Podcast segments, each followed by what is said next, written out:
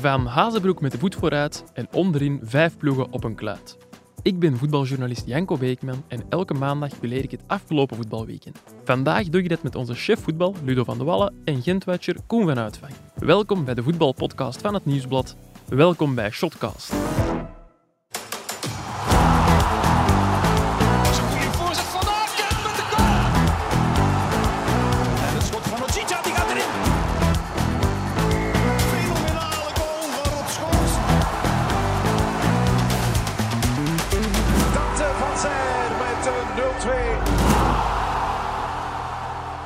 Ludo, dag Koen. Hi, Janko. Hallo. Koen, veel eh, reacties gekregen op uw seizoensdebuut van vorige week. Ah, mijn seizoensdebuut. Ja. Ehm, ja, dat echt voortreffelijk was. Met veel kennis eh, van zaken, dat ik hier meer moet zitten. Wat dat we dus niet gaan doen. Hè. Nee, ja, je zit er nu toch terug. Je hebt ons ook eh, vorige week verteld dat je s'morgens wel eens last hebt van een eh, licht ochtendhumeur. Hoe is het vandaag gesteld? Het is al middag, gelukkig. Is het al midden? Ja, ja, het is al twintig over twaalf. Ja, het lijkt vroeger, moet ik zeggen. Wij beginnen laat met vergaderen op maandag. Hè? Te laat eigenlijk, hè. Ja, eigenlijk wel, ja. Maar ik ben toch blij dat het zo laat is, want anders ben ik hier nooit op tijd. Eh, Ja, jij moet van ver komen ook natuurlijk, hè, Ludo, van eh, het verre Limburg. Ludo, zeg jij al goed en wel hersteld van uw keelontsteking? Nee, het duurt eh, verrassend lang. eh. je hebt nog altijd hoort een het grij ook- in uw in hoort uw het ook nog altijd aan mijn stem, hè. Het is nu al van vorige week donderdag. Dus Ja. vorige week, nee, twee weken geleden donderdag, dus tien.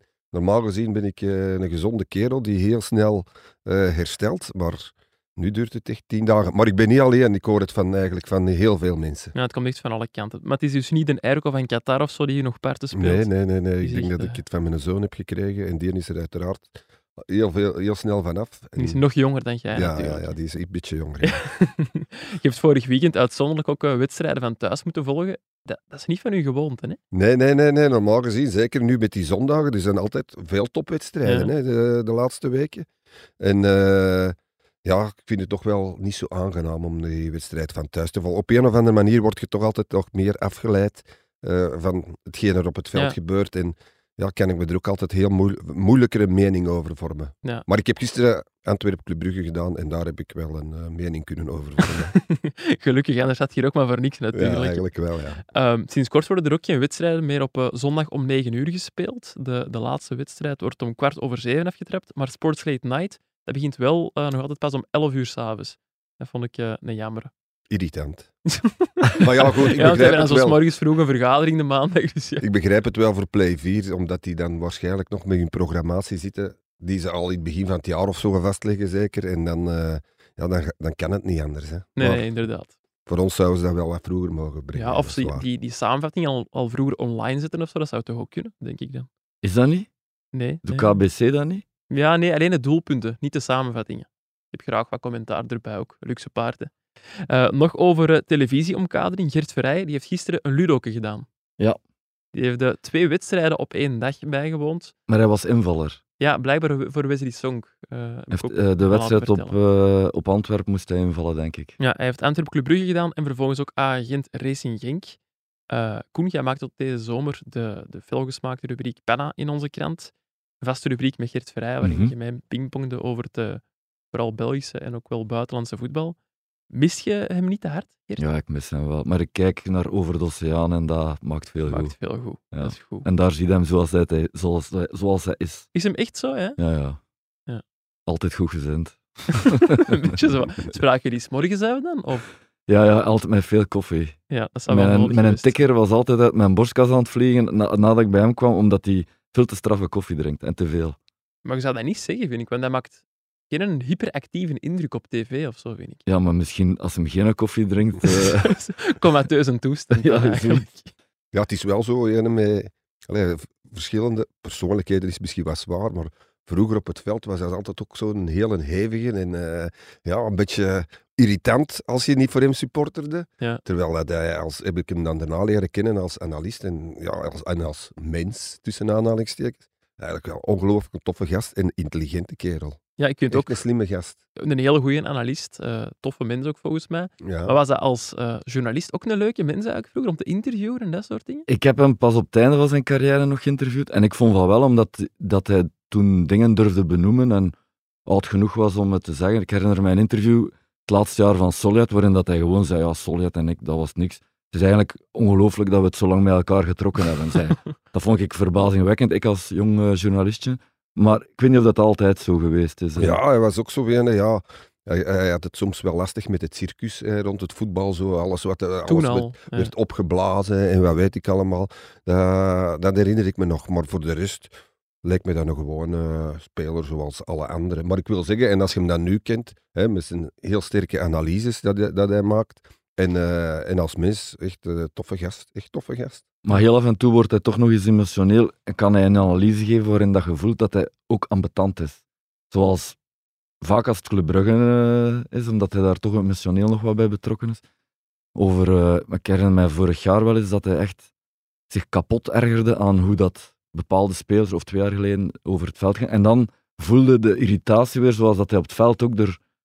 Ja, dan kan hij echt ambetant Ja, op het worden. veld was hij, was hij een echte krijger. Hè. Ja. Hij, dat was, eh, hij heeft dat ook eens gezegd in de, in de shotcast, geloof ik.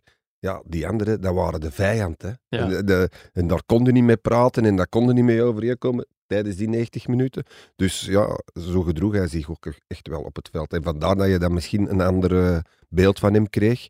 Maar ja, echt, nog eens, de laatste keer, toffe gast.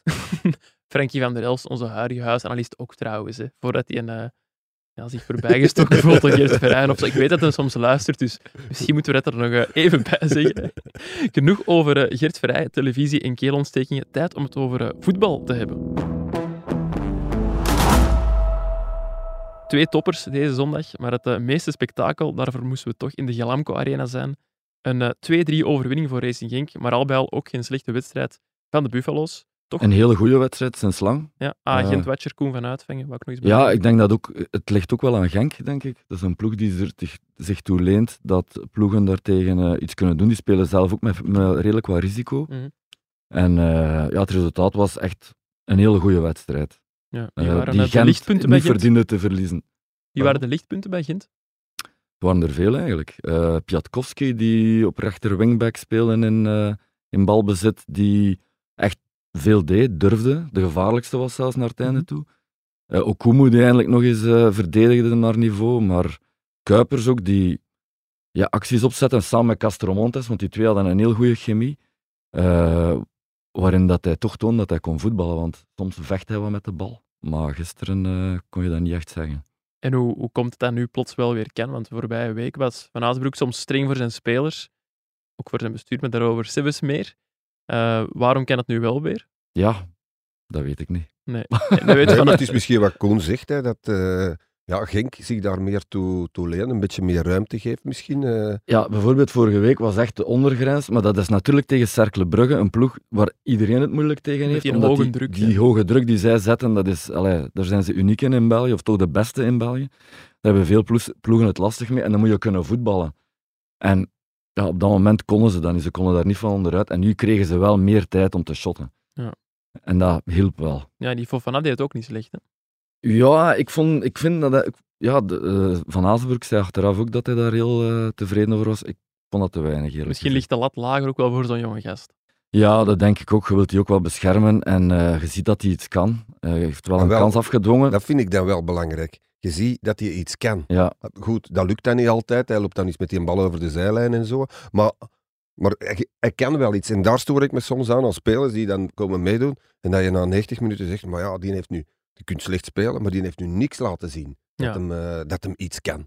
En dat, dat, daar, dat vind ik dingen. Maar met die Fofana heb je nu wel... gezegd, Oh ja, die kan toch wel eens een dribbel opzetten of zo. maar hij doet het bijna niet. Hij, heeft, hij durft bijna niet. Hij, hij verstopt zich soms echt. Dat hij in een fase moet, moet een bepaalde looplijn doen. Dat hij achter zijn man blijft. wa- Waardoor je denkt, ah, nu kan hij nooit mee aan, meedoen aan het spel. Te veel angst in zijn spel nog. Ik weet zo. het nog niet. 17 jaar, dus je mocht dan nog niet verwachten dat zo'n jongen direct met bravoure gaat spelen. Dat, dat is een karakter, dat moet er nog uitkomen. Ja.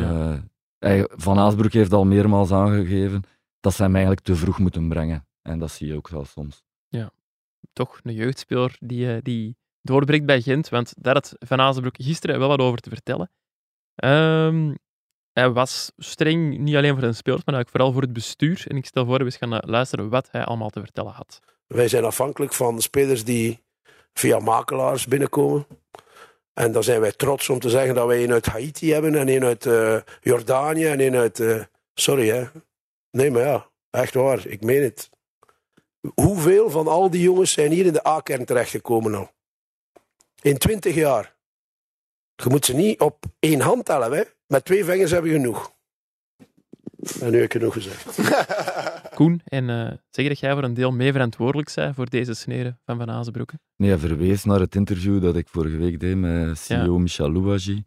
Die ehm, aangaf dat het feit dat Salah een succestransfer is, dat dat ook dankzij hun beleid is om heel veel jongens te laten testen in de jeugd. Hè. Want Salah is daar aangekomen via een scout die bevriend is met eh, Manu Ferreira. Mhm. En eh, daardoor hebben ze die laten testen, die deed het goed, kreeg een contract en is een jaar later in de A-kern gekomen. Ehm, en dus zegt Louagie, dat is geen geluk, want wij testen jonge spelers en we hebben daar nu eh, de vruchten van geplukt. En hij verwijst daar nu naartoe, want hij gooit eigenlijk een aantal dingen op, op, op één hoop, vind ik. Ja. Hij zegt dat de jeugd niet klaar is. Ja, daar kun je vragen bij stellen, want er zijn dit jaar toch twee jeugdspelers doorgebroken. Vorig jaar Sam Maas is ook eigenlijk een vaste basisspeler geworden, dus jeugd niet klaar. Voor een club als Gent die geen jeugdhistorie heeft, eh, is dat eigenlijk heel goed gewerkt. Hij zegt dat er te veel spelers worden getest en hij zegt dat er spelers door makelaars worden aangebracht. Ja, daar, daar, dat klopt wel. Mhm. Hè, er worden heel veel spelers getest. Eh, ik heb cijfers gehoord van heel veel eh, testers. Ik denk het afgelopen jaar, dat zijn er tientallen. Eh, sommige daarvan krijgen een- contract en sommige werken inderdaad via een bepaalde makelaar die de gunst krijgt om daar dan wat spelers af te leveren en eventueel een contract te hebben. Dus, maar om daardoor alles op een hoop te smijten en te zeggen dat de jeugdwerking niet goed is,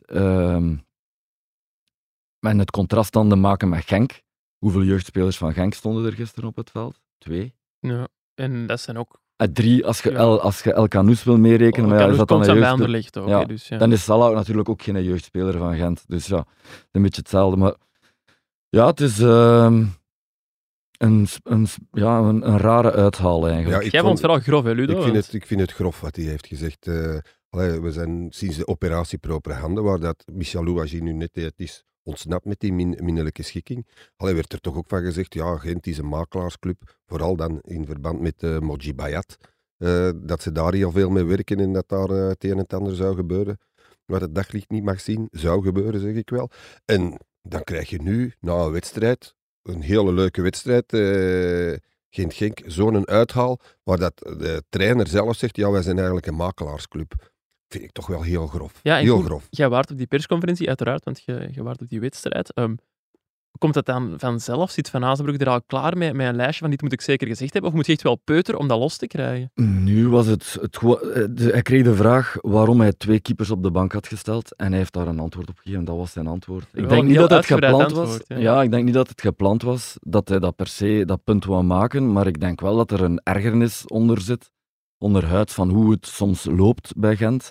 Het beleidsmatig, dat hij daarom zijn mening daarover geeft. Ik denk, want er worden nu allemaal Maar vindt conclusies. hij dan echt dat het een makelaarsclub is? Nee, hij zegt dat er spelers komen via makelaars. Hij zegt niet dat Nee, het een de enige makelaarsclub manier is. waarop die spelers komen zijn, is, is via makelaars.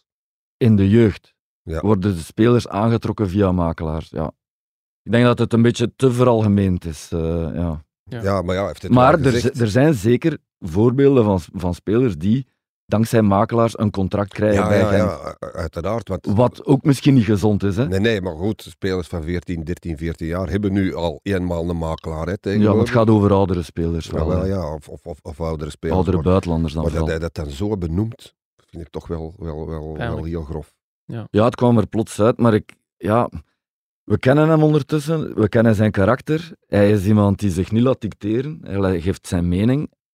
En het kan hem waarschijnlijk ook niet schelen wat iemand anders daarvan denkt. Nee, Dat nee, is maar gewoon- hier, gaan we Ook al zijn, zijn dat zijn bazen. Want ja, Ja, Ja, eh, is wel al een beetje naar zo. het, ja, hoe moet ik dat zeggen, het, eh, het duisteren van het voetbal eigenlijk. Hè? Dat hij zegt, ja, via makelaars komen ze allemaal maar. Eh wij hebben, komt erop neer, we hebben geen scouting, we hebben geen degelijke scouting. Ja, Hoe zit het met onze jeugdwerking? Hè? ja, ik ja, daar staat hij vragen vraag me toch ook wel af wat Emilio Ferreira, die er nu bijna, eh, bijna twee jaar aan, bij aan. Ja. aan, de, aan, aan de slag is, wat hij ervan vindt. eh, als eh, Van Azenbroek zoiets zegt, eh, Koen.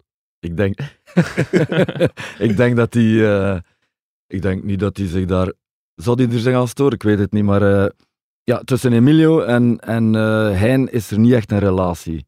Dat is Ja. lastig als collega's. Ja, maar dan zeggen er anderen van ja, ze hoeven toch geen relatie te hebben, ieder doet zijn werk. Ja, maar zo eh, ik vind het raar, ik vind het, dus- toch ik vind het heel raar. Als je goede doorstroming wilt van je jeugd, lijkt me dat toch wel belangrijk dat je een hoofdcoach en Ja, een maar er zijn, allee, de hebben. CEO van de jeugd is Gunter Schepens en die Ja. praat wel nog met iedereen, eh, Gelukkig. denk ik. Dus, eh, dus er zijn wel contact, maar het is, het, is allemaal, het is helemaal speciaal. En ik denk, ik vraag me af of daar ook niet een beetje ehm, de ongerustheid speelt. Hè, want Gent zit natuurlijk in een, een beetje op een, op een speciaal kruispunt met die spelers die einde contract zijn, met de zoektocht naar vers geld, met een bedrijfsstructuur die ook een beetje moet hervormd worden. Dus er is van alles aan het spelen. En naar volgend seizoen toe eh, kan ik mij wel inbeelden dat een technische staf zich zorgen maakt van ja, welke ploeg gaan wij hier nog hebben, want we hebben, eh, al die spelers gaan weg. Eh, in de jeugd, Emilio Ferreira is ook einde contract. Wat gaat er daarmee gebeuren? Wordt die lijn verder gezet? Komt er een andere lijn? Ehm, en ook het gegeven dat het geld dat er is, want er is een spaarpot, niet wordt geïnvesteerd. Eh, het ergernis over scouting, die eigenlijk de middelen niet krijgt om spelers te zoeken die meerwaarde genoeg zijn, maar die zijn ja. ook duurder. Dus daar, daar speelt van alles. En ik denk dat die ongerustheid geresulteerd heeft in dit soort uithaal. Eh, om het even, eh, was vorige vrijdag eigenlijk exact hetzelfde. Toen eh, heeft Van Azenbroek gezegd van ja, ik hoop dat iedereen binnen deze club beseft dat er heel veel werk is. En dit past een beetje in, in, die, in dat discours. Hij had misschien het gevoel dat ze nog niet helemaal wakker waren na vorige vrijdag dan. Dat weet ik niet of dat ze nog niet wakker waren. Ik denk dat dat ook wel aangekomen is, die kritiek. Maar, allee, of kritiek. Ja, het is natuurlijk zo. Ze hebben een speler laten gaan en ze halen een andere speler. Als hij dan zegt van ja, ik vraag al een half jaar om een creatieve aanvaller en we vinden hem niet, aan wat ligt dat dan? Ligt dat dan aan het feit dat hij geen enkele speler goed genoeg vindt? Hmm. Ligt dat dan aan de scouting die niet in staat is om goede spelers te vinden? Of ligt dat aan de financiële middelen die er voorhanden zijn? Allee, Of aan alle drie een beetje natuurlijk. en ik denk dat alle drie wel een beetje is, inderdaad. Ja. Ja. Je spreekt Maar- nu over, over eh, Van Aasbroek en volgend seizoen, want ik, ik lees op Twitter dat er ook Gent-fans zijn die, die denken dat Van Aasbroek op dit moment zijn eigen exit gewoon aan het voorbereiden is. Hè, Maar met deze nog een jaar onder contract. Eh, ik denk niet dat ze hem gaan ontslagen. Dat zou ook gewoon niet slim zijn, want ik, Allee, we mogen niet vergeten dat hij... Hij is niet perfect, maar, maar hij doet wel zoveel voor die club, of hij is wel in staat om die club nog altijd tot een niveau te tillen. We hebben het gezien in de tussentijd ook. Hè. Ja, ja, dat is waar. Is, een goede trainer. Hè. Ja, dat is dan Maar, de ik- beter maar, wordt maar in als ik dat ook allemaal hoor, dan krijg ik ook wel het gevoel van, wa- waar is hij nu mee bezig? Wil hij nu echt iedereen eh, tegen de schenen stempen, zodanig dat ze niet verder met hem willen? Ik, eh, ik weet het niet, want vorig jaar heeft hij toch bij Leven en Welzijn en met heldere gedachten dat contract getekend. Want toen was er ook al discussie bij. Dan was het ook al maanden van ja, maar ik moet zien hoe het verder gaat met de club en eh, of dat er geen andere clubleiders komen, was toen heel belangrijk. Hij wou bepaalde garanties en hij heeft natuurlijk, eh, ik denk dat dat dan ging over spelers. Hugo Kuipers was zo iemand, die heeft hij gekregen, Torunariga ook. Ehm, maar misschien is er toen ook beloofd dat er eh, nieuw vers geld ging komen en we zijn ondertussen een jaar verder en het is er nog niet.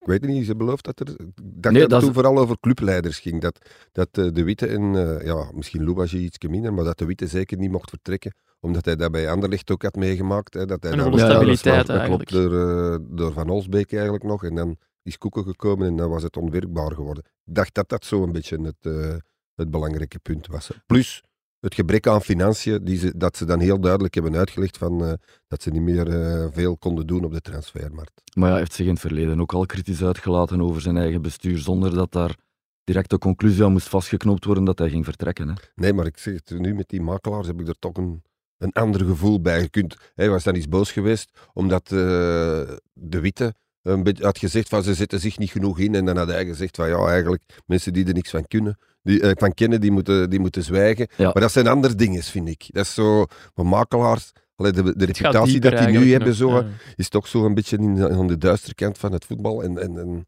als je dat zegt, vind ik dat toch gevaarlijk. Hoe komt dit aan bij Louagie? Vraag ik mij dan ook af. Ja. Ja, dat die niet gelukkig zal zijn, dat lijkt mij een evidentie. Maar die kent hem natuurlijk ook. Hè. Die, de relatie is altijd wel een beetje een eh, onderspanning geweest de vorige periode al. Toen, eh, en ik denk dat dat nu ook... Allee, ik denk dat de Witte altijd... De Witte en Van Azenbroek de relatie hadden en dat Louagie en de, en de Witte de relatie hebben en dat de Witte daar ergens tussen staat. Dus die moeten overeenkomen. gewoon, ja. Die, die komen soms overeen en die komen soms niet overeen. Maar ik denk dat we dat... Ludo, jij weet dat beter dan mij. De vorige periode was dat toch ook... Ja, eh, het schijnt dat dat toen ook een van de redenen was waarom dat hem eh, dat hem allee, ont- uiteindelijk ontslagen is, of zelf Vertrokken, vertrokken, zelf ik weet het niet meer. Maar eh, inderdaad, dat, dat was dat ook wel van, dat hij niet meer door die deur konden. Maar uiteindelijk is hij dan toch teruggekomen en, En was dat oké? en En weet nu- hij dat Louagie daar zit. Hè. En Louagie zal daar zitten zolang dat de witte er zit. Hè. Ja, maar Louagie weet ook wat hij binnenhaalt. hè. Dus hij weet ook dat hij... Een, een, ja, wat is hij? Een onafhankelijke geest die hem eh, van niet, niemand of niets iets aantrekt en gewoon zegt wat hij denkt. Punt. En ja, klikt het niet, dan, eh, dan gebeurt dit. Ja, dat is wel, dat is wel waar. Hij stemt, stemt ook andere mensen tegen de schenen. Hè. De, de bondscoach. eh, Journalisten, journalisten, scheidsrechters. Wel, ja, bedoel, het is Ja. erom, je hoeft er niet altijd iets achter te zoeken. Het is natuurlijk wel pijnlijk als het over je eigen bestuur en je eigen club gaat. Dat is een beetje het moeilijke aan het verhaal. Ehm, en als het is om de mensen wakker te schudden, ja, dan moet je maar u zich afvragen of dat, dat wel lukt hè, op die manier. En, en wij kunnen het als journalisten alleen maar toejuichen. Hè. Mensen die een gedacht zeggen. Ik hou toch meer van authentieke mensen dan van de trainers die straks eh, gaan passeren. Koen kent het draaiboek al, maar eh, ik stel voor dat we inderdaad overgaan naar het volgende. En dat is de ploeg die eh, gisteren gewonnen heeft, Racing Genk. Ludo, heb jij gisteren de toekomstige landskampioen aan het werk gezien in de Glamco Arena? Ja, ik denk dat het toch een heel grote kans is. 21 punten hebben ze ondertussen al voor op Club Brugge. Raar dat wij altijd kijken, zo, hoeveel hebben ze voor op Club Ja. Brugge. Dat is eigenlijk wel een beetje raar. Maar ik denk het wel. Union, uitstekend ook hoe, hoe dat zij spelen. Maar je hebt toch altijd het gevoel dat dat toch wel eens gaat eh, minder worden. Alleen spelen dan straks Europa League. Hebben ze dan nog die beker eh, halve finale die ze moeten spelen. In de competitie moeten ze blijven gaan. Dan heb ik toch het gevoel van ja, als, als ze dat volhouden, chapeau. Maar Genk is, is goed. Ook. En ik gun het ze ook echt. eh, De manier waarop dat ze spelen. Zoals Koen zegt, eh, ze, ze spelen altijd franken en vrij. Hopla, de Oh, eerste ja, woordspeling. ja, Ik zal de buzzer Buzzer. erbij pakken. Maar eh, nee, ik vind dat wel... eh, ik vind wel echt dat ze het op dit moment zeker verdienen. Ja, even kort over Union. Die wonnen gisteren met 4-0 van Zultwaardig B. Want eh Bayelij heeft wel serieus wat spelers gewisseld. Jorbe Vertessen, nieuwkomer, die wordt gehuurd aan PSV, eh, gaf meteen twee assists. Dat is ook eh, geen slechte binnenkomer. Ehm, bij Genk vertrok vorige week Paul Onuachu nog in extremis naar Southampton. Kan dat hen nog in de problemen brengen? Dat ze ja, hun topscorer toch hebben laten gaan? Ik dacht dat eerlijk gezegd wel. Nu goed, die vervanger heeft gisteren gescoord. Maar we moeten nog zien hoe dat, dat verder gaat. hè. Het is- Het niet de eerste vervanger die... die of de eerste debutant die scoort en waar je dan daarna dat hij dan een beetje wegzakt. Het zou kunnen dat het een goeie is. Hè. Ik, eh, ik ga me er niet over uitspreken. Maar toch nog even afwachten. En Onuachu is een verlies, punt. Maar het was ook niet geen geweldige goal toch, dat hij maakte. Hij zei het zelf, eh, het was not the best of touches, denk ik dat hij zei. Een heel want eh, we hebben zijn naam nog niet genoemd. Hij heet Tolu Arokodare. Dave Peter heeft ons geleerd dat je het zo moet uitspreken. There. Ja, vandaar Ja. dat ik eh, zijn naam Die- eh die, eh, vermeed en dat ik Nee, zei en die, uiteindelijk- nieuwe, die nieuwe speler. dus- Uiteindelijk stond Samatta erop en die speelde weer niet goed. Dus, allee, nee, dat is echt al dus het jaren. moet hè. wel van hem, van Rocco there komen, of, eh, of ze hebben wel een probleem. Hè. was het een type dat de Anderlecht had kunnen gebruiken? Want ja, het oorspronkelijke plan was dat hij bij Paarschwitz zou tekenen. Hè? Ja, tuurlijk. eh, dat type zeker. Ik denk dat op dit moment elke ploeg die met, eh met flankje speelt, zo'n speler kan gebruiken. Die is meer dan een meter 90. Ja. Dus eh kun je zeker iets... eh, elke ploeg kan daar iets mee doen, denk ik. Ook Club Brugge. Maar als je de bank gisteren zag van Genk, ik heb het blad hier voor mij. Hopla, een Ja, voorbereiding. ja, ja, ik heb mijn bladje nog. Sadik, Ouattara, Castro, Sor, El Hadj, Karstensen, Preciado en Arrocoder. Er is wel nog een afgevallen, of misschien twee, maar allee, dat zijn spelers die bij andere ploegen in de basis kunnen staan. Hè? Ja, want die Ressor, die, die viel ook in. Ook geen slechte, hè? Nee. Nee, de, die vorige wedstrijd heeft hij ook al beslist. Hè. Dus Ja. eh, een heel goede speler. Ja, maar zeg maar, Koen. Ja, ik was nog vergeten te zeggen, de U18 van Gent heeft wel afgelopen weekend gewonnen van de U18 van Genk. Dus zo slecht eh, zal het daar ook nog niet De zijn. jeugdwerking van Gent is goed bezig. Hopelijk eh, luistert Emilio Ferreira naar onze podcast. Die zal het eh, kunnen gebruiken na de uithaal van ehm Hein van Aasbroek. Zei het er net al, Ludo. eh, 21 punten voorsprong op Club Brugge al, Racing Genk. 15 punten op Antwerp. Dan gaan we dan gewoon straks in de playoffs een tweestrijd krijgen tussen Union en Genk. Ja, eh, deelt maar eens door twee, hè, 21 punten. Dat zijn 10 of 11 punten voorsprong. Op, als de play-offs beginnen, dat is gewoon indrukwekkend. En ik, ik zie voorlopig nog niks eh, veranderen bij Club Brugge. Eh, goed, nu zijn ze dolblij dat ze gisteren de nul hebben gehouden voor de eerste keer in tien competitiewedstrijden. Maar het zit daar, het, zit, het zit niet goed. Eh, ik weet het wel, ze, tegenwoordig, het moet allemaal intensiteit zijn en eh, blokvorming en wat weet ik allemaal. Maar wat krijg je dan? Dat spelers als Hans van Aken, die zijn alleen nog maar, denk ik, met die intensiteit en die blokvorming bezig, waardoor zijn creativiteit volledig wegvalt. En dan krijg je zo'n wedstrijden zoals dat je gisteren hebt gezien, als de creatieve spelers ook op in- intensiteit moeten gaan spelen, ook moeten zorgen dat ze op drie meter van hun eh, ploegmaat eh, lopen. Ja, dan krijg je zoiets als gisteren, als dat het belangrijkste is. En dat vind ik dus geen positieve evolutie. Nee, want we zijn zo naadloos bij Club Brugge Antwerpen, wedstrijd die op eh, 0-0 eindigde zondag.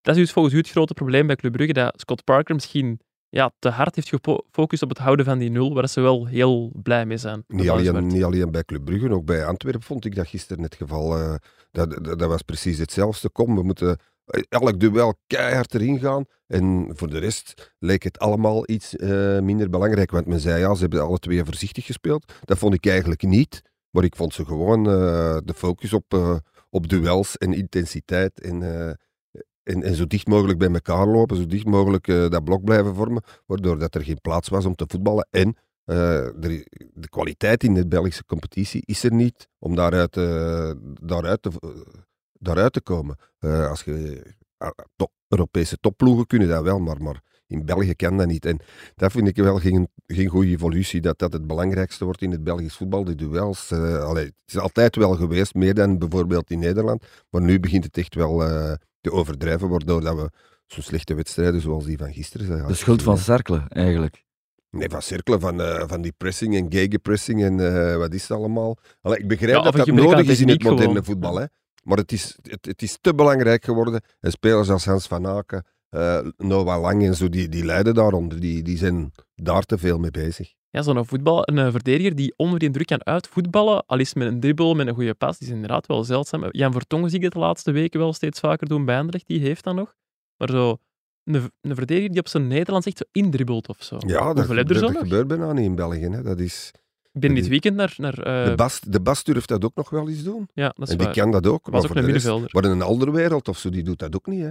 Maar die heeft dat ook nooit gehad. Die heeft altijd meer van zijn lange pas moeten hebben ook. Hè. Ja, maar ah ja, is nu zo, zo, zo, zo, zo'n carrière, zo'n ervaring, zou wij dat toch ook wel eens kunnen Proberen. doen, denk ik. Of Ja. proberen, ja, inderdaad. Bij Club Brugge speelde eh, gisteren Jack Henry naast Brandon Mechelen centraal in de verdediging. Heeft Scott Parker daarmee zijn vaste winnende duo gevonden. Ja, ja, die zal zeker volgende week tegen Union, deze week, vrijdag tegen Union, ook opnieuw spelen.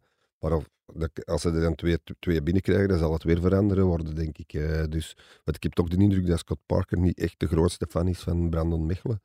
Eh, die er vorige keer toch al twee of drie keer is uitgezet. Ja. Dus dat is, dat is nog afwachten. Allee, maar die zullen nu, dat centrale duo zal nu zeker wel eh, vrijdag spelen. Ja. Daar ben ik wel van overtuigd. Hij lijkt in het algemeen wel nog zoekende, hè, Parker? Want nu speelde voorin Noah Lang eh, als, als diepe spits, als een soort valse negen. Is dat een eh, experiment dat voor herhaling vatbaar is? ja, toch niet zoals de mani- manier waarop dat het gisteren werd eh, uitgevoerd. Want Noah Lang blijft dan ook die heel, heel de tijd diep hangen, wat ik ook logisch vind voor een speler van zijn niveau. Hij kan best vanuit de tweede lijn komen en dan Ja. zijn dribbel en zijn actie maken. Dus eh, ik zou dat toch, vind dat toch een rare ingreep. En als je er dan na de wedstrijd naar vraagt, dan komt daar ook geen duidelijke uitleg aan. En dan, dan heb je toch het gevoel van, ja, hier gebeurt zomaar iets. Wat was daar nu de bedoeling van om tegen die twee eh Torres, eh, Alderwereld en Pacho daar, daar, daar Noah Lang te zetten? Ik zie u met uw, uw ogen draaien bij de uitleg van Parker. Zit er te veel Roberto Martinez in hem? Ja, het is verbeterd. Hè. In het begin was het, eh, was het eigenlijk ja, het was bijna erger dan Roberto Martinez.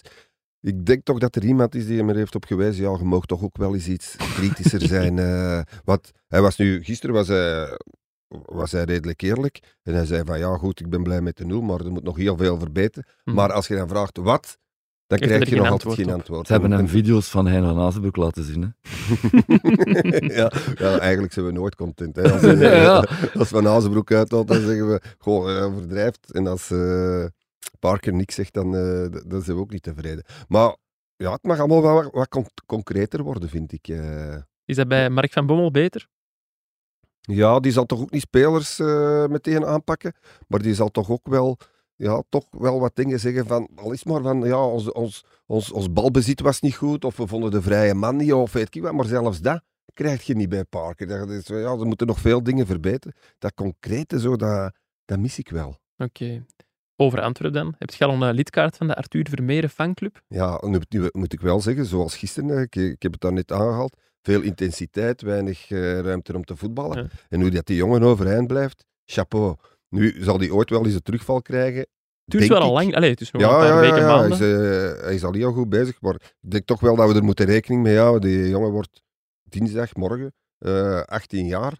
Dus er, er, er zal wel eens een terugval komen, maar zoals hij gisteren overeind bleef, ja, echt chapeau. Volgens mij was hij de beste man op het veld. Moet je Ja. die al oproepen voor de nationale ploeg? Oeh, Dat laat ik aan eh, de toekomstige bondscoach over. Dat vind ik dan weer te vroeg, Ja? denk ik. Maar ja, laat een bondscoach dat eh, beoordelen, wat, wat, hij ervan vindt. Maar hij is wel, eh, is wel heel goed bezig. hebben we wel een bondscoach eigenlijk? Nee, nog altijd niet. Eh, dat, dat contract met, eh, we zijn nu maandag, hè, Ja. maandagmiddag voor alle duidelijkheid. Contract met eh, Leipzig, tussen Leipzig en Tedesco, dat is nog altijd niet eh, geregeld. Oei, dat is vervelend. Hè? Ja, en het duurt lang. Bij de bond zijn ze er nog altijd wel van overtuigd dat het goed komt. Maar het duurt toch lang. Oké, dat gaan we zeker blijven opvolgen. Nog even over dat middenveld van Antwerpen. Arthur Vermeeren stond daar niet alleen. Naast hem stond Mandela Keita. Die wordt gehuurd van eh OH Leuven. Wat voor indruk maakte die?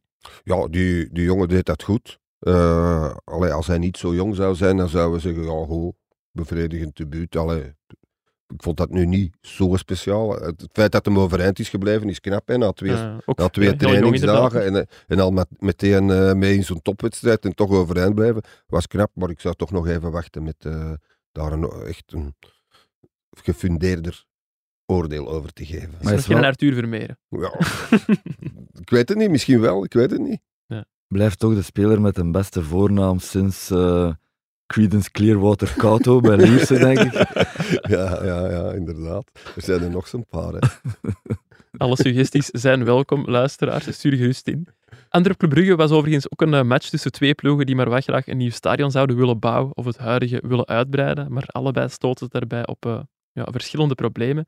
Tot ergernis van onze chef voetballen, las ik dit weekend. Ja, voor mij gaat het eigenlijk niet zozeer over die stadions, maar eigenlijk in de breder, perspectief hier in België. Eh, ja, nu moet ik wel, wel opletten, maar dat kan toch eigenlijk niks meer. Hè. Vanaf dat er iemand een initiatief neemt, wordt het gekelderd. Allee, we hebben het hier ook over die Oosterweel, wat hebben we daar allemaal al mee meegemaakt. En al die mensen die daar tegen zijn, die zullen wel op een of andere manier gelijk hebben, net zoals bij die, bij die stadions.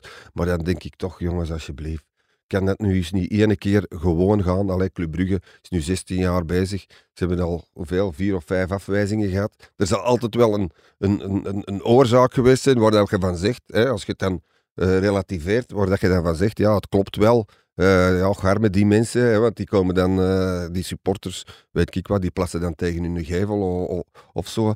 Maar het is, allee, je wordt er moedeloos van, vind ik. eh, van hier, hier, hier kan toch zo weinig in. Ja, het is zoals dat je in een, in een straat gaat wonen waar dat een café is en dan zaagt dat er nachtlawaai is. Ik bedoel, als je er gaat wonen, weet je toch, allee, dat speelt meer. Aan de andere kant, die mensen ook wel begrip Ja, ja, tuurlijk, natuurlijk, tuurlijk. dus het is altijd een ik- moeilijke. Ik, begrijp het, het is niet in mijn tuin dat ze een Ja, stadion ja. komen bouwen. Hè. Dus Ja. in zekere zin begrijp ik het, maar ik vind het toch wel, ja, ik vind het echt wel heel vervelend. En ik denk eerlijk gezegd dat ik daar geen probleem mee zou hebben. Als ze morgen eh, een stadion zetten in mijn tuin, bij wijze van spreken. Dan Nee, zou dat ik zeggen, grote ja, tuin. goed. Dat je te voet kunt naar de voetbal, ja. Puur opportunisme is het, ja. Toch één ding dat ze wel heel goed hebben gedaan in Gent. Hè. Misschien ook eens... eh, Ja, ja, ja, maar dat kan er ook alleen maar komen met de steun van de politiek. Hè. Dat is daar wel eh Ja, cruciaal en, en gebleken. welke verhalen zijn daar dan allemaal Ook niet al. over verschijnen. Dus Maar het is wel straf dat Jan Breidel nog recht staat. Want ik herinner mij dat ik ooit een interview heb gedaan met eh, Bart Verhagen en dat hij zei dat het betonrot al zo ver was. Dat binnen zes jaar stortten de tribunes in. En dat was in 2013. Dus eh, ja, Het grote ongelijk van Bert Verhagen. bon, Rome is ook niet in één dag gebouwd, zeker. En wij gaan ondertussen over naar de kelder. Goal! Oh ja! Goal, goal, goal, goal! Als zij spelen, speel jij. Bet live op ladbrokes.be. Gok met maten. Genoeg over de topploegen. Tijd om onze blik even op eh, de onderste helft van het klassement te richten. Eupen pakte een punt tegen Westerlo, maar daar was Jonas Roek na de wedstrijd niet te spreken over eh, de match van scheidsrechter Arthur de Nil. KV Kortrijk verloor dan weer met 1-0 in het Dayo Wasabi Stadium van Sint-Truiden. En daar was er ook discussie over twee strafschopfases. Twee fases die in het nadeel van Kortrijk uitdraaiden. En eh, ja, het is misschien wel over dit soort fases dat er straks nog stevig gediscussieerd gaat worden als een van die ploegen blijkt te degraderen. hè.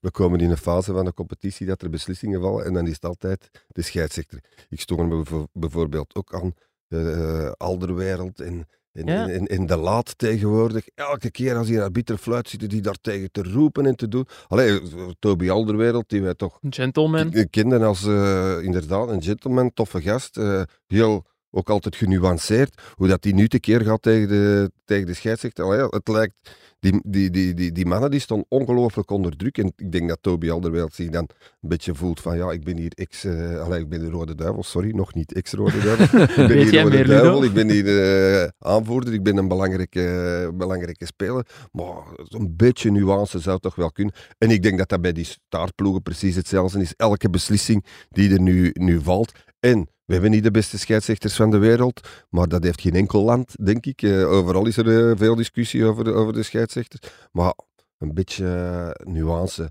en minder druk op zich, zichzelf leggen, denk ik dat dat wel zou van pas komen. Want ja, we gaan nu naar een periode, Janko, waar dit, je dit elke week gaat kunnen zeggen en dat er geen enkel club nog content is met de scheidsrechters die ze krijgen. Zag je die foto van Bruno Fai, Belga-collega, die ehm, van Lothar Dont, die de gele kaart geeft Ja. aan Richie de Laat? Colina-achtige ogen een beetje. Ja, en ook duidelijk aan het roepen. Hè? Ja, ja, ja. Maar ja, hij heeft Maar dat gelijk. mag Hè? toch, Ja, het Oh, wel. ja, zeg, hey. Ja, natuurlijk. Als je de wedstrijd zo tegen u roepen, Wat, wat die mannetjes allemaal iets roepen, eh, dan, dan, dan mag je als scheidsrechter wel eens eh, reageren, denk Ah, wel, ik. ze, ze hadden vorige week ook dat filmpje van Jan Vertongen bij Anderlecht de wereld ingestuurd, dat ze een, een volledige wedstrijd hebben gevolgd met de microfoon. Ik zou wel eens die, die integrale opname willen horen, wat er allemaal tegen zo'n ref wordt gezegd en zo. Dat zou leuk zijn in de toekomst. Nog Ja, een, eh, inderdaad. Suggestie voor de rechterhouders. Eh, ze doen- ik denk niet dat er scheldwoorden worden gebruikt of dat zo. weet ik niet. Hè? Dat denk ik niet. Dat denk ik niet. Maar, maar dat roepen, dat, dat, dat theatrale, zo voor, voor, die- voor dat publiek ook nog eens op te zwepen, daar, eh, dat vind ik echt Geen totaal ongepast. Bij KV Kortrijk hadden ze zelfs bewijs mee om het eh, ongelijk van scheidsrechter ver, Vergoten te bewijzen. Want Faiz Selemani die bracht zijn kapotte schoen mee naar de mixed zone. En ook eh, trainer Brent Stork die was na de wedstrijd teleurgesteld in de scheidsrechter. Wat ik altijd grappig vind, als het op onze voetbalvergadering, dus de vergadering waar we ja, het hebben over de plannen voor de komende week, als het daar gaat over Brent Stork, dan wordt er altijd naar Koen gekeken. En, en waarom is dat eigenlijk? Ik heb ooit een reportage over hem gemaakt als hij trainer werd bij Cercle. En ik denk dat ik hem toen het best bewaarde geheim in trainersland eh, heb genoemd. Dat zou ik nu niet meer schrijven. En, en wat waren die geheimen? Wat ja, nee, maar geheimen hij, allee, hij, is, hij is wel in staat om ergens binnen te komen en iedereen in te pakken. Op Eh, welke manier dan? Hij verandert alles, maar het is ondertussen al ge- gebleken dat het heel voorspelbaar is. Je, shot de keeper buiten, je shot een paar assistenten buiten, nog wat jongens naar de B-kern. Je verandert de fitnessruimte naar een andere locatie. Je pakt zelf een bureau in. Ehm, je probeert ook zelf spelers binnen te halen en assistenten. Er zit- zitten rare kantjes aan.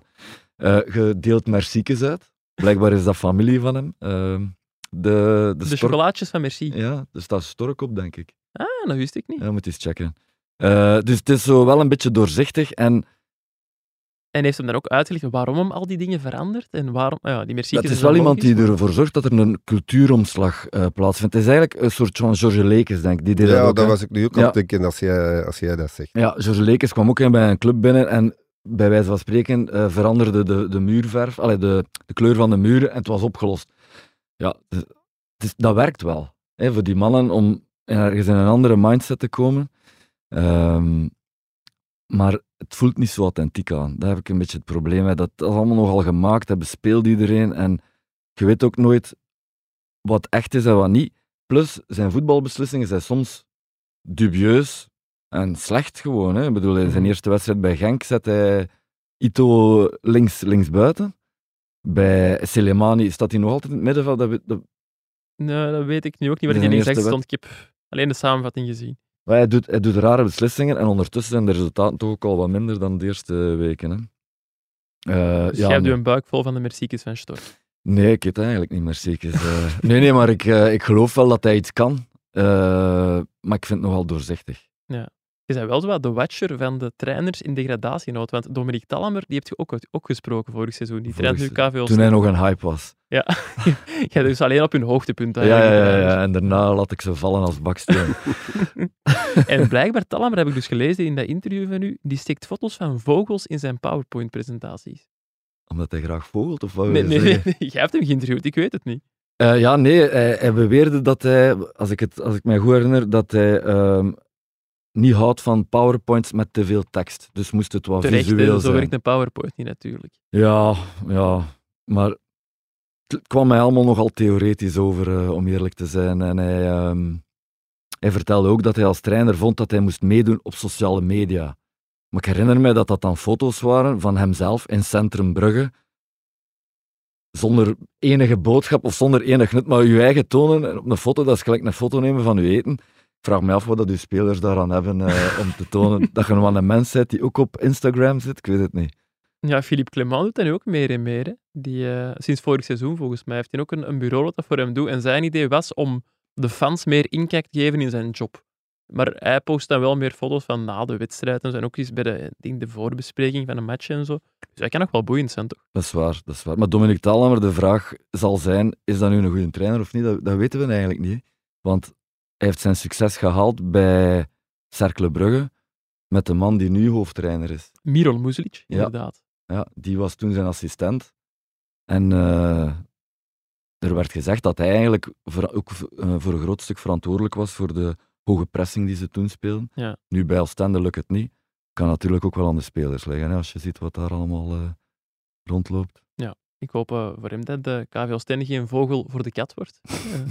Eh, zijn ex-ploeg Cercle Brugge doet het trouwens wel best goed de laatste weken. De vereniging speelde dit weekend 1-1 gelijk tegen Standaard en pakte zo 8 op 12 tegen Standaard, Agent, KV Oostende en Union. En uh, Koen Verdraai die gaat het geheim van Miron Muzlic eens uitleggen. Ja, Janko, het uh, geheim van uh, Miron Muzlic is volgens mij tweeledig. Enerzijds, uh, hij is als jongeman van 12 jaar door de oorlog met zijn ouders gevlucht vanuit Bosnië naar Oostenrijk. Dat tekende hem toch wel als mens, maar dat sterkte ook zijn karakter. Daardoor, hij, hij, woont bijvoorbeeld alleen op een appartement in Ruddervoorde. Zijn gezin, vrouw en drie kinderen bleven achter in Oostenrijk. Heeft hij vaak contact via FaceTime mee. Maar hij, hij, doet dus die opoffering, uh, werkt uh, hier in Brugge ondertussen keihard. Uh, is iemand met een duidelijke boodschap op het veld. Powerplay, press, drie man achterin. Veel vertrouwen geven aan dezelfde spelers. Ook naast het veld communiceert in, in goed, duidelijk Engels. ook zoals hij zich profileert langs de lijn. moderne, dure, casual kledij. Anderzijds heeft hij ook die kans gekregen om dat te doen van uh, Carlos Aviña, de, de jonge Mexicaanse sportief directeur van Cirkel. En dat merk je bij veel clubs in uh, buitenlandse handen die goed geleid worden. Ik denk aan Union en uh, Sint-Truiden ook. Die hebben een duidelijke strategie. En uh, Aviña heeft altijd een plan B voor spelers. Uh, als een speler wegvalt, staat een andere al klaar. Maar ook voor coaches. Hij haalde Muzlic eerst naar België om aan te passen als assistent uh, van eerst Van der Hagen, dan Taalhammer. En op het juiste moment gaf hij Muzlic de kans. En die heeft hij met beide handen gegrepen. Boeiend figuur wel, die Muzlic. Misschien ook eentje om binnenkort eens te interviewen, Koen. Ja, ik weet het niet goed, ik twijfel. Geeft u een buik vol echt wel van zo. Nee, nee, nee, nee maar hij geeft, nogal, hij geeft nogal een gladde indruk. Um, en ook allee, vooral de, de verhalen van de hoofdcoaches die met hem gewerkt hebben, die vind ik nogal oninspellend. Hè. Zowel Dominique Taalhammer als Yves van der Hagen. Die uh, denk ik niet dat die heel positief zijn over hem. Nee. Ja, die, allee, die beschuldigen hem ervan dat, ze, dat een potenzager was. Hè. Ja, inderdaad. En ja, aangezien dat Taalhammer hem geen, zelf geen hand wilde geven. Uh, Onlangs dus, tijdens Oostende Cercle Brugge, inderdaad. Dus uh, moet het toch wel diep zitten. Inderdaad. Ja, en hij geeft zo'n... Ja, het is... Frank Raas vergeleek hem ooit met, uh, denk de, de Simeone van de Armen, of zoiets heeft hij hem genoemd. Zit, zit toch wel iets in, niet?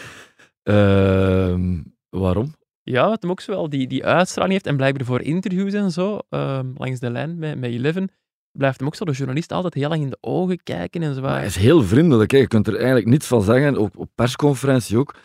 Uh, daar hemelt hij mensen op. Hè. Ik heb het meegemaakt met Van Aasbroek. Van Aasbroek nu, was tegen Standaard, was hij ook over Standaard uh, heel positief. En ja, ik weet het niet.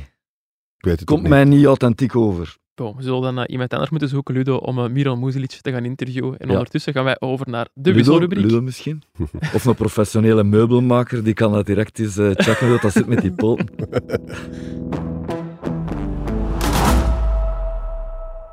In Allo Janko vroegen Geert Guillaume en Lars vroeger waar ik afgelopen weekend had gezeten en waar ik daar had eh, meegemaakt. Ja, nu die mannen er niet meer zijn, begin ik dan maar spo- spontaan over mijn eh, avontuur te vertellen. Ik ben dit weekend naar Feyenoord PSV gaan kijken voor het eh, debuut van Torgan Hazard, die eh, gehuurd wordt van Dortmund. hè. Voor de krant, want Ludo had dat gevraagd, dus dan kan ik naar daar. Een goed debuut. Nee, eigenlijk niet. Allee, hij heeft gescoord bij zijn debuut. Het was eh 2-2. Hij mocht de tweede helft invallen. Maar eh, ik denk dat PSV had net na zijn invalbeurt rood gepakt. en moest ook ja, vooral verdedigen, omdat eh, ze nog een, een voorsprong moesten verdedigen. Maar hij heeft wel met de enige actie die hij eigenlijk heeft kunnen maken gescoord. En Dus welke dan plaats speelt hij daar dan? eh? Linksbuiten, want eh, daar begon Xavi Simons, die, die van PSG is gekomen. Echt ongelooflijke voetballer. Echt supergoed. Dat was de man van Ja, de wedstrijd, eh, Echt blijkbaar. heel ja. goed. Allee, dat is Noah Lang, maar dan een pak beter eigenlijk. Eh, en die schoven dan na de invalbeurt van Hazard naar, eh, naar het centrum, naar de nummer 10 positie, waardoor Hazard de linkse flank kon gaan spelen. En ik denk dat dat ook wel het beste idee is voor de komende weken. Zodat de collega's uit Nederland ook wel zeiden van, eh, dat dat de oplossing zal zijn. Want ze hebben op rechtsbuiten ook El Ghazi, maar die viel in de eerste helft uit. Dus ik denk dat daar nog wel geschoven mee, eh, mee zal kunnen worden. En wat vind jij van het eh, niveau en eh, het spel dan in Nederland? Want je hebt nu ook twee weken geleden Feyenoord-Ajax gedaan. En wel wat je nu daarnet zei over die verdedigers bij ons, die, die niet onder die druk uit kunnen voetballen. Feyenoord is ook een ploeg die à la Cercle Brugge heel veel hoge druk gaat zetten en zo. In Nederland lijken ze dat wel nog te kunnen. Ik denk dat ze daar op een ander soort verdedigers mikken dan onze topploegen. En, en wel mannen die kunnen meevoetballen. Je hebt op rechtsachter bij Feyenoord, eh, bijvoorbeeld die Pedersen. Echt een hele goeie ook. En, en ja, ik vind het niveau van de topclubs in Nederland precies wel hoger dan in België op dit moment. Hoewel Club Brugge wel in de, de achtste finale van de Champions League staat en Ajax Europa League moet gaan spelen straks. Be- betere voetballers? Ja, over het algemeen wel eigenlijk. Ook als je zo kijkt naar de transfers die PSV nu doet, Torgan Hazard halen. Ja, onze topclubs zie ik dat niet direct doen, eerlijk Ja, maar ja, die, halen, die verkopen natuurlijk ook heel duur aan, eh, aan Ja, Chelsea. En, eh, Ja, maar zou, zou het organisatie naar België willen komen? Ik denk dat niet. als hij evenveel betaald wordt als in PSV. Ja, ik denk dat niet. Ik denk dat die jongens toch ook nog altijd het gevoel hebben dat, dat de Nederlandse competitie hoger aangeschreven staat dan de Belgische. Daar ben ik niet van overtuigd eigenlijk. Ik Nee? denk als Club Brugge evenveel betaalt als PSV, dat Torgan Hazard bij Club Ja? Brugge zit. Ja? Club Brugge nu natuurlijk wel, omdat die. Champions League spelen. Ja, Maar Antwerpen ook? Zelfs Antwerpen. Ja, ik, ik zou dat denken van wel. Waarom, waarom, waarom zou je denken van niet? Ja, ik heb dat gevoel van niet. Omdat we Dat bij PSV zitten, niet bij Omdat Club Brugge. de, de Nederlandse competitie, ja goed, die is dan nu al zesde op, of, of misschien zelfs al vijfde op die UEFA-ranking. En dat die nog altijd hoger wordt aangeschreven als de Belgische. Dat gevoel heb ik. Fabio Silva is uiteindelijk ook van Anderlecht eh, naar PSV gegaan. Gisteren ook mogen invallen. Die deed het minder goed, ook niet geholpen door de situatie natuurlijk, want stond het, allee, toen ook al met tien man. Johan Bakayoko, die mocht heel vroeg invallen, omdat El Ghazi al na een kwartier eh, geblesseerd eh, was. Die was wel echt slecht, want die, die stond deze winter nog in de belangstelling van PSG. Konden we in onze krant onder meer lezen. Maar eh, voor die Bakayoko zou ik toch geen 15 miljoen euro betalen. Nee? Nee, dat viel echt dik tegen. En ook leuker in, in Nederland dan in België, de persconferenties na de wedstrijd. Hè. Voor het eten. Ja, broodje kroket is leuk, maar ook gewoon die trainers lijken er veel meer een antwoord te geven op de vragen dan, Ja, dan, in, dan in. België. Die hebben allemaal minder extreem misschien, maar wel een beetje Hein van Azenbroek in zich. Maar minder leuk zijn dan weer de supporters en wat dat ze zingen. Ja, en wel, gisteren leek dat wel mee te vallen eigenlijk. Tijdens, Dat eh, op een bepaald moment, eh, hè, want er was een eerbetoon aan Thijs Slegers, Ja. de eh, woordvoerder van PSV, die dat was een leuke meer. Dat was wel knap, dat eerbetoon. Maar achteraf, later in, in de wedstrijd waren er dan toch weer mensen het K-woord aan het roepen, blijkbaar. Dat heb ik zelf niet gehoord. Ah ja, op tv was het hoorbaar. eh. Ah, oké. Dat is inderdaad minder fraai. en dat zit er wel bij die Nederlanders heel hard in. Hè. Ja, bij Louis van Gaal was er toch ook ooit zo'n moment toen dat zijn vrouw... eh, Ja, Inderdaad. degoutant. denk je dat? Ja, dat is inderdaad eh, Maar minder dus mooi. Trainers en eten eh, allemaal beter. Daarvoor gaan we naar Nederland, inderdaad. En ondertussen kunnen we ook over naar onze afsluiter. Ludo, Koen, wat gaan jullie deze week nog allemaal doen? Dat ruimde. Werken, hè. Kun je dat meer concreet maken, Parker? Nee, eh, vrijdag kijk ik wel uit naar Club Brugge Union. ja, ja, En maar dat al op vrijdag is eigenlijk. Dat is zo, ja. Ja, ik denk dat dat eerlijk gezegd is, omdat ze volgende week woensdag, iedereen vergeet dat, maar Club Brugge speelt nog in de Champions League en die spelen volgende week woensdag tegen Benfica. En ik denk dat dat eh, een vraag is geweest aan de Pro League. Kunnen jullie ons alstublieft vroeger laten spelen? Op vrijdag bijvoorbeeld. En dat ze dat daarom hebben gedaan. Wat ik wel eh, heel, heel positief vind, want Club Brugge moet zich toch met de best mogelijke middelen verdedigen in Europa voor, eh, voor België. Dus ik denk, dat dat, ik denk dat dat de reden is. Ik vrees wel dat ze het heel moeilijk gaan krijgen tegen Benfica. Zelfs zonder Enzo Fernandes. Ja, ik denk het eerlijk gezegd ook. eh. Allee, zeker door, de, vooral door de vorm waar dat ze nu in zitten en het gebrek aan vertrouwen dat er toch in die, in die ploeg zit en zo. Ja, ik denk, ik, ik, het, is, het is geen goede moment. Nee, daar gaan we het eh, volgende week maandag zeker nog uitgebreider over hebben. Koen, jij nog een belangrijke afspraak Ja, in de belangrijk duel Westerlo-Gent hè, voor de... Allee, volgens Hein van Aasbroek... Gaat dan wat jongeren die- een kans geven dan, of niet? Er zijn geen. Eh, als, ze, als ze die wedstrijd niet winnen, is het gedaan voor, voor de top 4, zegt hij. En ja, het zit daar wel heel kort op één, eh, onder Club Brugge dan. Hm. Vraag je af, wie gaat er ooit eens profiteren van het gebrek aan vorm bij Club Brugge? Dus die wedstrijd, eh, ja, Kuipken, altijd eh, interessant. Hè. Nog altijd niet Goede geweest. catering. Ja, ik ben eh, twee stadions dat ik nog moet doen. Dat zijn eh, achter de kazerne en het Kuipje in, eh, in België. Ja, Kuipje is een tof stadion. De achter de kazerne niet. Jawel, achter de kazerne ook, maar, maar allee, het Kuipje is, eh, is aangenaam, is, Ja, is gezellig. En ja. bekend voor de vlierenfluiter, blijkbaar, hè, die je daar krijgt na de wedstrijd. Ja, dat wist ik niet. Vroeger was dat Tongerlo, maar eh Ah, nu vlierenfluiter, dat weet ik niet. Ja. Ja. Dat weet ik ook niet. Iedereen herinner me er altijd over. Koffiekoeken, kazekes, dus... eh, Ja, gezellige perszaal ook. Oké, dat is En perszaal zo in de gang waar dat de spelers eh, moeten oplopen. En, eh, Dus kun je nog naar babbelen met de ja, spelers ook voor ja. de match. Ik heb er al in het to- toilet gestaan met, met, Ja, ik ook. tijdens de rust met, met een speler. Ah, en dus- dan, stel er dan een vraag over de wedstrijd, of niet? Ja, want ik weet dat niet meer. Ik denk dat dat met Proto was. Ah, oei. En ik weet niet meer wat ik- of dat ik er toen iets heb. Ik denk dat niet. Ik denk dat, ik- dat ik wel zo...